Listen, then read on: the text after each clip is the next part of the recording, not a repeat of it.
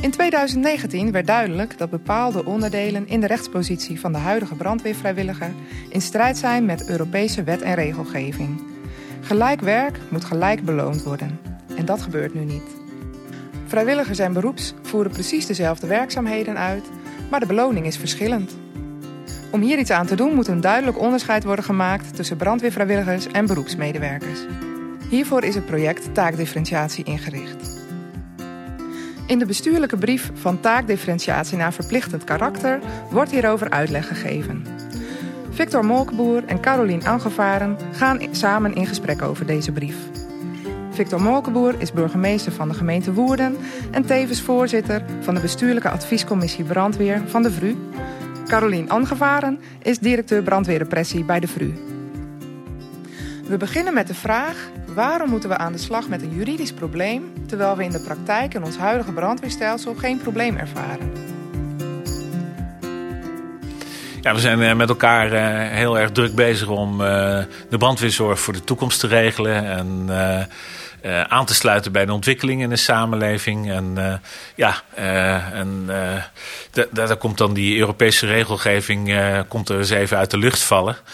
Nou, en denk ja, waar is dat nou weer voor nodig? Hè? Kunnen we niet gewoon aan, aan die kwaliteit van de brandweer werken? En ja, we worden hierdoor toch wel eventjes weer op een ander been gezet. En dat begon natuurlijk met het feit dat wij ook wel ook als brandweer moesten bijkomen van het het feit dat Europese regelgeving voor de brandweer ineens van toepassing zou zijn. Want die Europese regelgeving gaat natuurlijk over gelijk werk moet je gelijk belonen.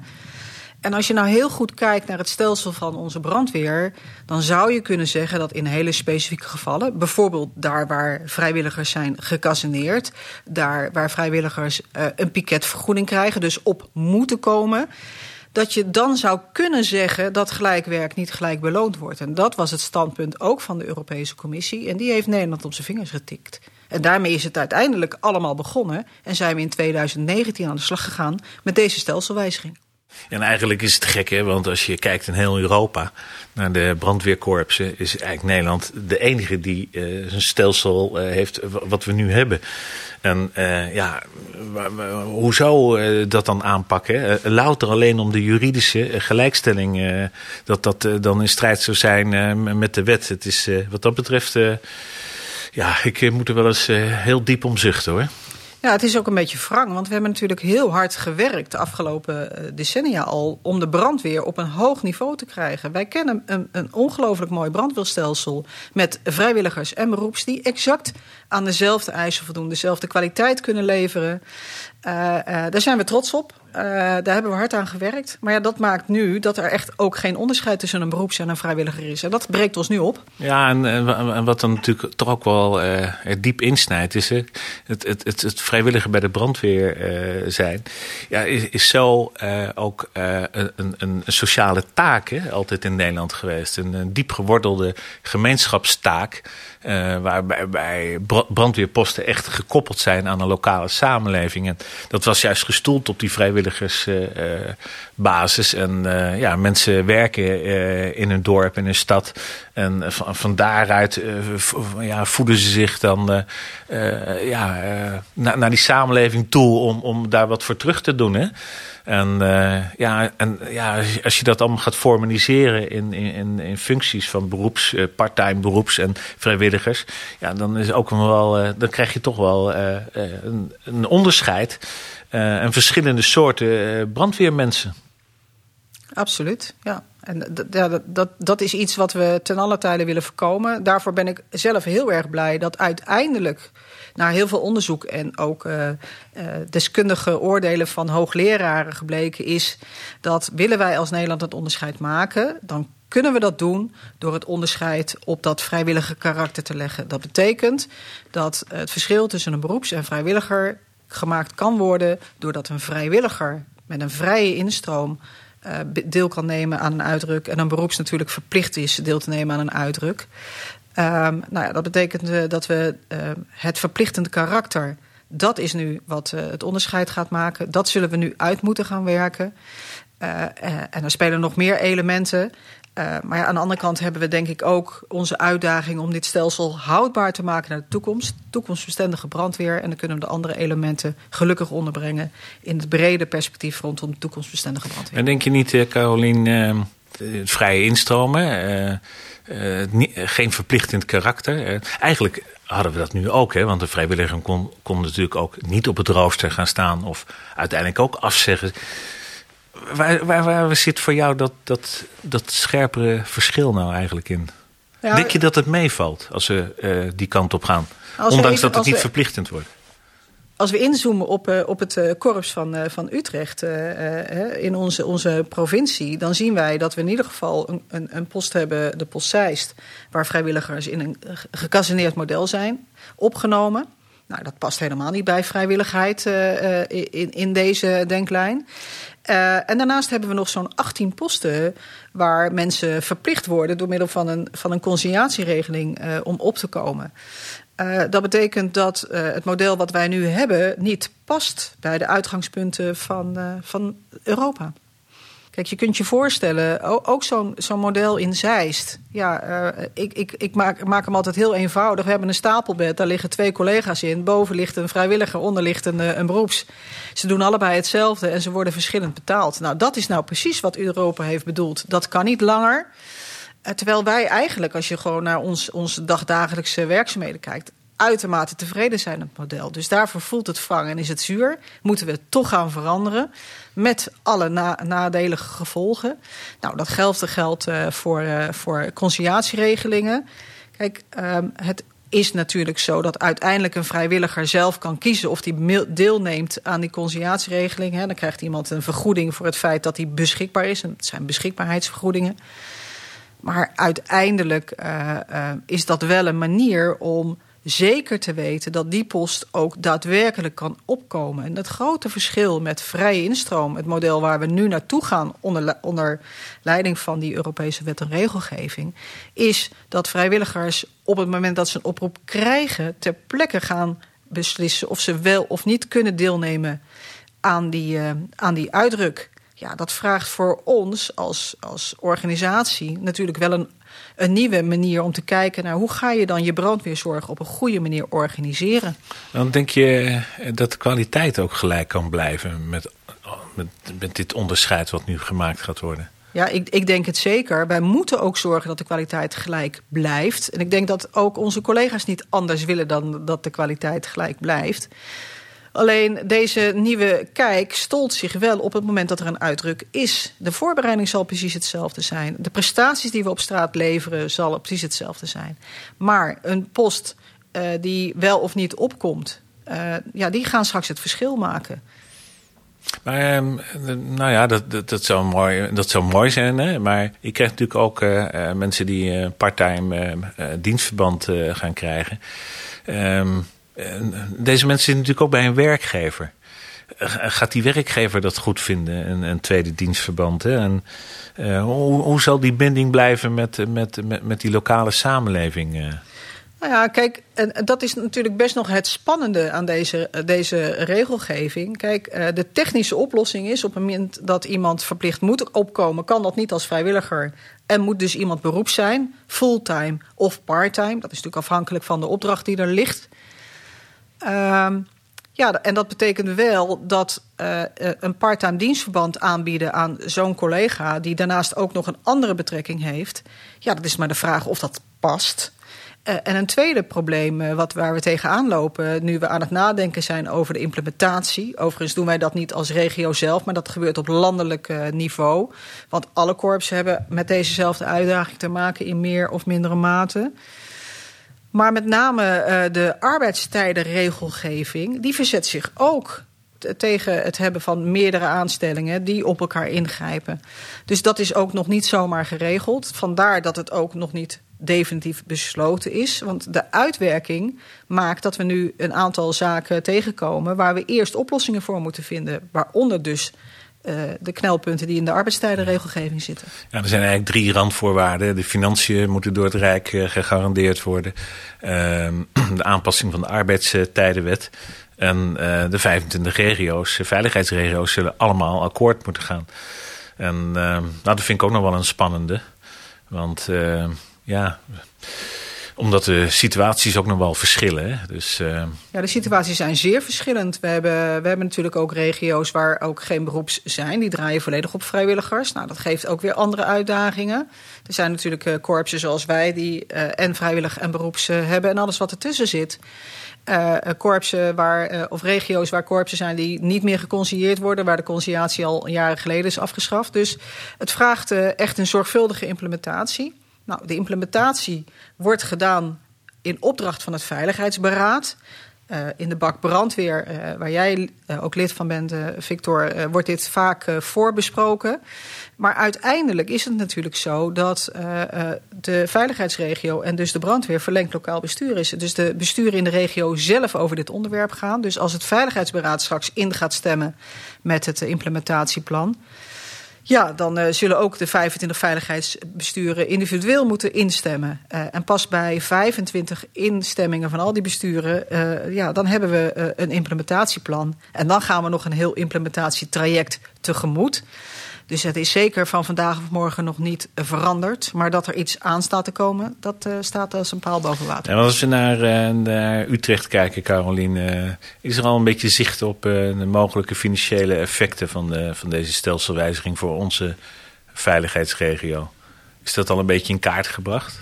Jazeker. Wij, wij hebben toen, uh, toen dit uh, begon te spelen, hebben we gezegd van nou ja, kijkende naar onze specifieke situatie. 18 posten die geconcilieerd zijn, één post die gekazeneerd is.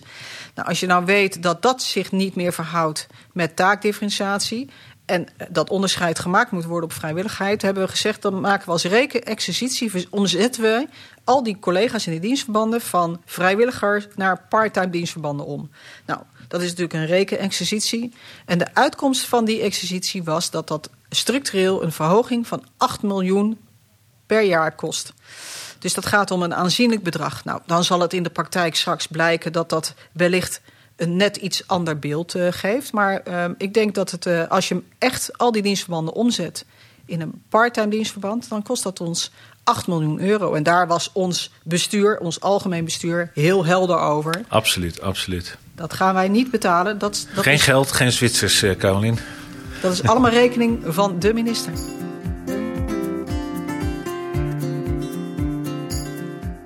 En um, heb, heb, heb, jij nou nog een idee? Want uh, we hebben het natuurlijk allemaal over de brandweerzorg, maar we hebben natuurlijk ook nog andere onderdelen: uh, de crisisbeheersing, risicobeheersing. Uh, of het daar ook nog effect op gaat hebben op de stelselwijziging. Nou, waar we zeker weten dat het effect op kan hebben, dat gaat over onze uh, operationele leiding. Zoals je weet uh, hebben wij veel functies uh, in een piket zitten. Dan heb ik het over een officier van dienst, hoofdofficier van dienst. dat zijn piketten die ook in de crisisbeheersing een rol spelen. En een deel daarvan wordt ook door vrijwilligers gedaan. Nou, je kunt je voorstellen dat als het gaat om uh, crisisbeheersing, dat je niet kunt hebben dat daar een vrij instroomprofiel onder zit. Dat betekent dat ook uh, uh, op piketten, waar vrijwilligers nu nog een, een, een rol spelen, die zullen we ook om moeten zetten naar een dienstverband. Nou, om diezelfde reden, dat moet maar passen bij al die mensen in hun private omgeving. dus ook daar kan het een, zeker een rol spelen. Op de posten zelf hè, uh, is er eh, ook best wel veel onzekerheid. Hè. Als je de postcommandanten spreekt, dan uh, ja, ze horen ervan en ze worden natuurlijk wel geïnformeerd. En, maar ik heb zelf het idee dat, dat de mensen op de werkvloer nog niet goed weten wat dit voor ze gaat betekenen. heb jij dat gevoel ook? Nou, ik snap dat ook, want het is best heel lastig om, om precies te overzien wat gaat het nu allemaal betekenen. Ik denk dat op de werkvloer iedereen nu wel begrijpt en, en heeft gehoord en gelezen, want wij informeren onze mensen daar natuurlijk goed over, dat uh, en consigneren, dat dat in ieder geval in de toekomst niet meer mogelijk is. Nou, dan is iedereen natuurlijk naar zijn eigen positie aan het kijken. Dus um, um, ja, het, het gaat veranderingen opleveren. Maar ja, uiteindelijk zullen we precies weten welke veranderingen als wij de uiteindelijke uitkomst en het besluit van het Veiligheidsberaad vertaald hebben naar de Utrechtse situatie en met elkaar gaan afspreken en wat, hoe gaan wij dan onze brandweerzorg organiseren. Ja, en op dat moment weten mensen pas zeker of er iets gaat veranderen en wat er verandert, hoe dat dan eruit gaat zien. Maar dat het leeft, dat is zeker. Maar het mooie zou zijn, nou, en ik geloof er ook wel in hoor, dat ehm, eh, de, de, mensen die nu instromen, dat, is, dat is toch weer een andere groep dan, van oudsher. En, um, je ziet ook wel uh, dat, dat de belasting van, van de vrijwilliger best, best heel erg groot is. En het, het geeft natuurlijk ook wel wat kansen, denk ik, voor, om toch bij die brandweer te zijn. Maar dan toch niet altijd maar 24 uur er klaar voor te moeten zijn. Want het, het, het, het hakt er toch best wel in, in al die gezinnen met verjaardagen, met, met vakanties. En je kunt het allemaal natuurlijk wel, wel, wel uitroosteren. Maar ja, de, mensen vinden het gewoon fijn als er wat is om, dan, om bij een uitdruk te zijn. Hè? En, en, uh, maar anderen die, die, die vinden het mooi om eraan bij te dragen. En, uh, maar dat toch iets in een wat gestructureerde verband te doen. En in, in, iets ja, losse verband. Hè? Dat, dus dat, wat er nu gaat gebeuren zou ook nog wel eens ja, de mogelijkheid uh, geven ja, voor mensen wat, wat, minder, wat meer structuur en, wat, ja, wat minder die druk om dan het, het uh, uit te rukken. Denk je dat er zo tegenaan wordt gekeken? Of, of, of hoe, hoe zie jij dat? Nou ja, het feit dat wij op bepaalde uh, posten, locaties werken met beschikbaarheidsregelingen, ook voor vrijwilligers, heeft natuurlijk alles te maken met het feit dat je dan de koek wat beter kunt verdelen. En niet alleen aan de kant van de uitdrukken, maar ook aan de kant van de belastbaarheid. Je zou kunnen zeggen, ja, als iedereen nu 365 dagen per jaar paraat moet zijn, uh, dan geeft dat een bepaalde druk. Nou, aan de andere kant krijg je dus de vrijheid om te zeggen: Nou, het komt mij niet uit, dus ik kom niet. Maar dat zegt wel wat over hoe wij dan onze brandweerzorg uh, moeten organiseren.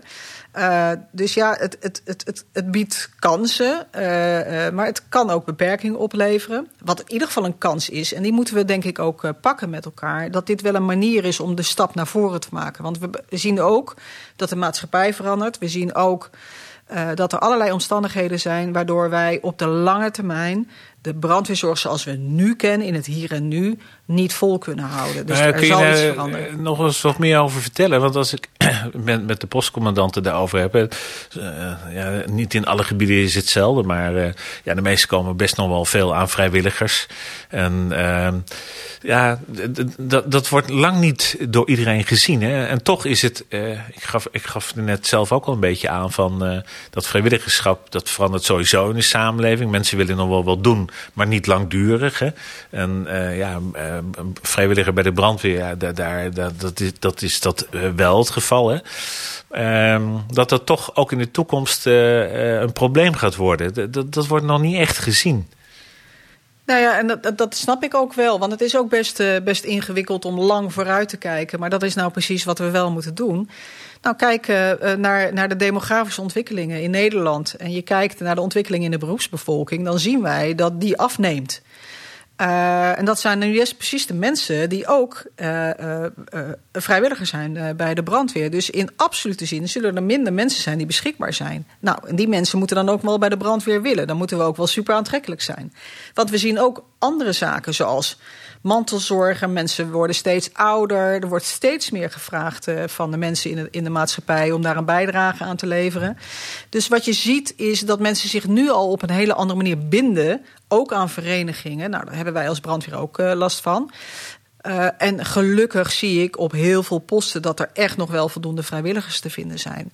Maar als je puur naar de cijfers kijkt en de ontwikkeling van de Nederlandse beroepsbevolking, ja, dan weten we dat dat ook effecten op ons gaat hebben. En wij voelen hem nu nog niet. En daar ben ik ongelooflijk blij en trots uh, op. Maar het is wel zo dat we, en dan gaan we echt wel ver vooruit kijken, maar we zullen dat wel moeten, want er gaan echt wel dingen veranderen. Ja, dan heb je het eigenlijk over de brandweer overmorgen, waarin dat vrijwilligersvraagstuk een belangrijke rol gaat spelen. Maar er zijn ook nog wel andere ontwikkelingen. Ehm, we gaan natuurlijk steeds meer vraag- en risicogericht werken. Ehm, uh, we hebben het over flexibele uitdrukken. Uh, we gaan allianties aan met uh, andere partners in de samenleving. En met name dat laatste punt. ja, moeten we ook niet naar, meer naar verbreding gaan kijken van uh, van het brandweervak eigenlijk, als je het hebt over allianties. neem bijvoorbeeld bij auto-ongelukken, rukt de, de, brandweer uit om technisch mensen te bevrijden. Maar ja, dat zou ook toegevoegd kunnen worden bij, bij sleepbedrijven. Dat we daar niet meer voor uitdrukken, bijvoorbeeld. Uh, moeten we ook aan dat soort dingen denken? Ja, misschien, misschien zijn we wel uh, genoodzaakt om aan dat soort dingen te gaan denken. En dan gaan we wel heel ver uh, vooruit uh, denken. Maar we zeggen niet voor niets in de brandweer overmorgen dat veiligheid een co-productie is. Wij doen dat niet alleen als brandweer. En natuurlijk hebben wij de specifieke techniek, kennis, deskundigheid om dat soort dingen goed te doen. Maar op de lange, lange duur zullen we dat echt niet alleen uh, kunnen. En dan, nou ja, je noemt nu een voorbeeld waarvan ik nog niet uh, zover ben. Nou ja, maar als je kijkt naar bijvoorbeeld naar bouw- en woningtoezicht, hè, die taken die worden ook geprivatiseerd. Hè, en die gaan weg bij de gemeentes. En de, de, de, de, aannemers en de bouwers zelf mo moeten uh, externe professionals gaan inhuren om dat te gaan toetsen. En ja, de gemeentes doen het nog maar marginaal. Hè? Dus het ligt misschien allemaal wel ver weg in de toekomst. Maar, maar goed, het is misschien toch dichterbij. Maar als je aan andere allianties denkt. Nou ja, wat we, we, nu al bijvoorbeeld zien is, is een nadrukkelijke alliantie tussen gezondheid en veiligheid. Uh, wij zijn uh, nu al uh, een alliantie aangegaan met, met onze GGD'en. Om samen op te trekken om die inwoners die aan één kant niet zelfredzaam zijn, maar aan de andere kant ook heel veel zorg krijgen. Om die samen te begeleiden en niet alleen een veilige leefomgeving, maar ook een gezonde leefomgeving te kunnen garanderen. Ja, en zou je ook kunnen denken aan samenwerking met de omgevingsdiensten als het gaat om toezicht en Zeker, zeker. Daar, die, die lijntjes zijn kort. Uh, samenwerking uh, is, is nou, want het is natuurlijk onzin om met meerdere diensten bij één en dezelfde aannemer of bedrijf terecht te komen. Dat moeten we samen doen. en um, ja, het zou heel mooi zijn als je een soort dienst hebt die dat allemaal kan. Maar nou, zover zijn we nog niet. Maar gelukkig sluiten we onze ogen daar niet voor, want dat zal de toekomst zijn. Ja, Caroline, we zijn er heel druk mee bezig hè? en uh, er gebeurt van alles. Maar oh, wat is nu het proces? Hoe gaat het verder? Um, eind 22 uh, moet er een, uh, een, definitief besluit vallen. Maar wat is het proces naar, onze, nou, naar mijn collega's, naar de posten toe, naar de vrijwilligers toe? Nou, het Veiligheidsberaad is natuurlijk opdrachtgever en die heeft een een stuurgroep, uh, meestal, hè, dan komt er een stuurgroep. Uh, maar in ieder geval heeft, een, uh, heeft een, een, club mensen aan het werk gezet om met een implementatieplan te komen. Want als je zegt van we gaan niet meer caserneren en we gaan ook niet meer consigneren, dan, dan, dan zul je daar bepaalde uitgangspunten voor moeten kiezen. Nou, dat wordt een implementatieplan. Dat wordt op dit moment geschreven. Tijdens de implementatie zijn we dus tegen een aantal onderwerpen aangelopen. Geld is er één. Eh, de minister heeft al voorzichtig laten vallen nog niet zozeer eh, een zak met geld klaar te hebben liggen. Twee, de problemen rondom de arbeidstijden zijn nu naar boven gekomen. Dus dat heeft invloed op de voortgang van het implementatieplan. De planning was dat de implementatieclub voor de zomer aan het Veiligheidsberaad zou rapporteren. We weten niet of dat gehaald gaat worden vanwege eh, nou ja, die openstaande punten die nog niet duidelijk zijn. Uh, maar uiteindelijk zal het uh, Veiligheidsberaad uh, een besluit nemen op, op het implementatieplan. Nou, ik weet dat in het implementatieplan ook voorzien is dat er gewoon tijd genoeg is om te implementeren. Dat gaat echt niet van vandaag of morgen. Nee, het is gesproken over zo'n periode van drie tot vier jaar. Hè, om echt de tijd te nemen om het uit te rollen. En dat ben ik ook heel erg blij mee, want dit is niet zomaar iets geregeld. En wat wij al hadden geconcludeerd in het ene in de ene regio is dat wat groter dan de andere regio. Bij ons zal het echt wel een, flinke klus zijn. Dus ik ben blij dat we die tijd hebben. Uh, en dan zullen de, de, de, de 25 veiligheidsbesturen ook nog een besluit moeten nemen. Dus als we eind 22 halen, dan, uh, dan denk ik uh, dat we het heel goed gedaan hebben. Maar ik, ik moet het eerst nog zien. Maar er is nog heel veel werk te verrichten. Ja, en, uh, nou, en in die implementatieperiode hebben we ook tijd voldoende om uh, de mensen op de posten mee te nemen, de vrijwilligers mee te nemen. En uh, dat, dat moet lukken. Zeker. Kijk, op het moment dat, dat we duidelijk hebben wat ons te doen staat, dan kunnen we gaan plannen maken. Nou ja, plannen maken doen we niet vanuit een ivoren toren. Dat doen we met de mensen samen. En zullen we zeker in, in het korps moeten kijken hoe dan wel? Want het is ook wel belangrijk hè, om het inderdaad met de mensen zelf uh, te gaan uitwerken. Dat, dat, zal ook, uh, ja, dat ze heel erg belangrijk vinden, denk ik. Absoluut. Uh, ik denk dat het goed is dat we het met de mensen doen, want uiteindelijk zullen zij het moeten uitvoeren. Maar een ander is natuurlijk ook belangrijk dat we onze gemeenteraden goed blijven aansluiten. Want dit gaat invloed hebben op de organisatie van brandweerzorg. Uh, dat, wordt, dat hoeft helemaal niet minder uh, of slechter te worden, maar het zal anders zijn. En nou, ook onze gemeenteraden zullen hier goed bij betrokken moeten worden. Nou, dat is wel een belangrijk punt, uh, want ja, de meeste gemeenteraden staan hier allemaal nog niet zo bij stil. En ja, al de veranderingen die plaatsvinden, die, die gaan een beetje langs hun heen. Dus ik denk dat we ook op dat vlak, eh, nou, als er uh, nu wat meer helderheid komt, dat we toch ook in de aanloop daar naartoe, de gemeenteraden ook op dit vlak eens mee moeten gaan nemen. Wat deze ontwikkelingen gaan betekenen. Nou, dat is precies de reden, denk ik, waarom we dit, onder andere dit gesprek uh, voeren. En daarom ben ik wel blij met de ruime implementatietijd. Want dit plan goed te maken met de mensen zelf en goede samenwerking en afstemming ook met onze gemeenteraden, dat vraagt tijd. Dat vraagt zorgvuldigheid. en die tijd hebben we dus nodig en zullen we dus ook gaan nemen. Ik begon eh, te zeggen, Carolien, eh, een soort verzuchting van de Europese regelgeving.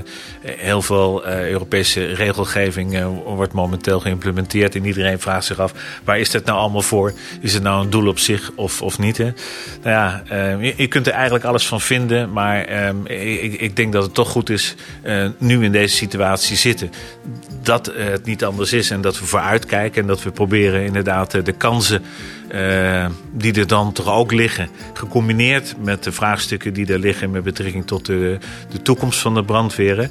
Uh, ja, dat het ook wel een mooi moment is om uh, in gezamenlijkheid met de mensen op de werkvloer die kansen op te pakken. En te werken naar een kwalitatieve brandweerzorg die bestendig is ook voor de toekomst. En ja, dan zijn we wat minder somber. En ik ben eh, eigenlijk daar ook wel eh, best eh, positief gestemd over. Als ik nu, nu ik zo midden in dit proces zit en zie hoe iedereen zijn best doet om daar toch ook aan te werken. Ja, Victor, daar sluit ik me graag bij aan. Want ook ik ben begonnen met een verzuchting. en mijn eerste reactie was natuurlijk ook van... jeetje, moet dat nou? En bemoei je toch alsjeblieft met iets anders. Maar laten we dit vooral als een kans zien en het met beide handen aanpakken om te zorgen dat wij de mooie brandweerzorg en de goede brandweerzorg die wij in onze regio hebben ook eh, langjarig vol te blijven houden. Dit was de verdiepende podcast bij de bestuurlijke brief van taakdifferentiatie naar verplichtend karakter. Dank aan Victor Molkenboer en Carolien Angevaren voor dit gesprek. En jij dank voor het luisteren.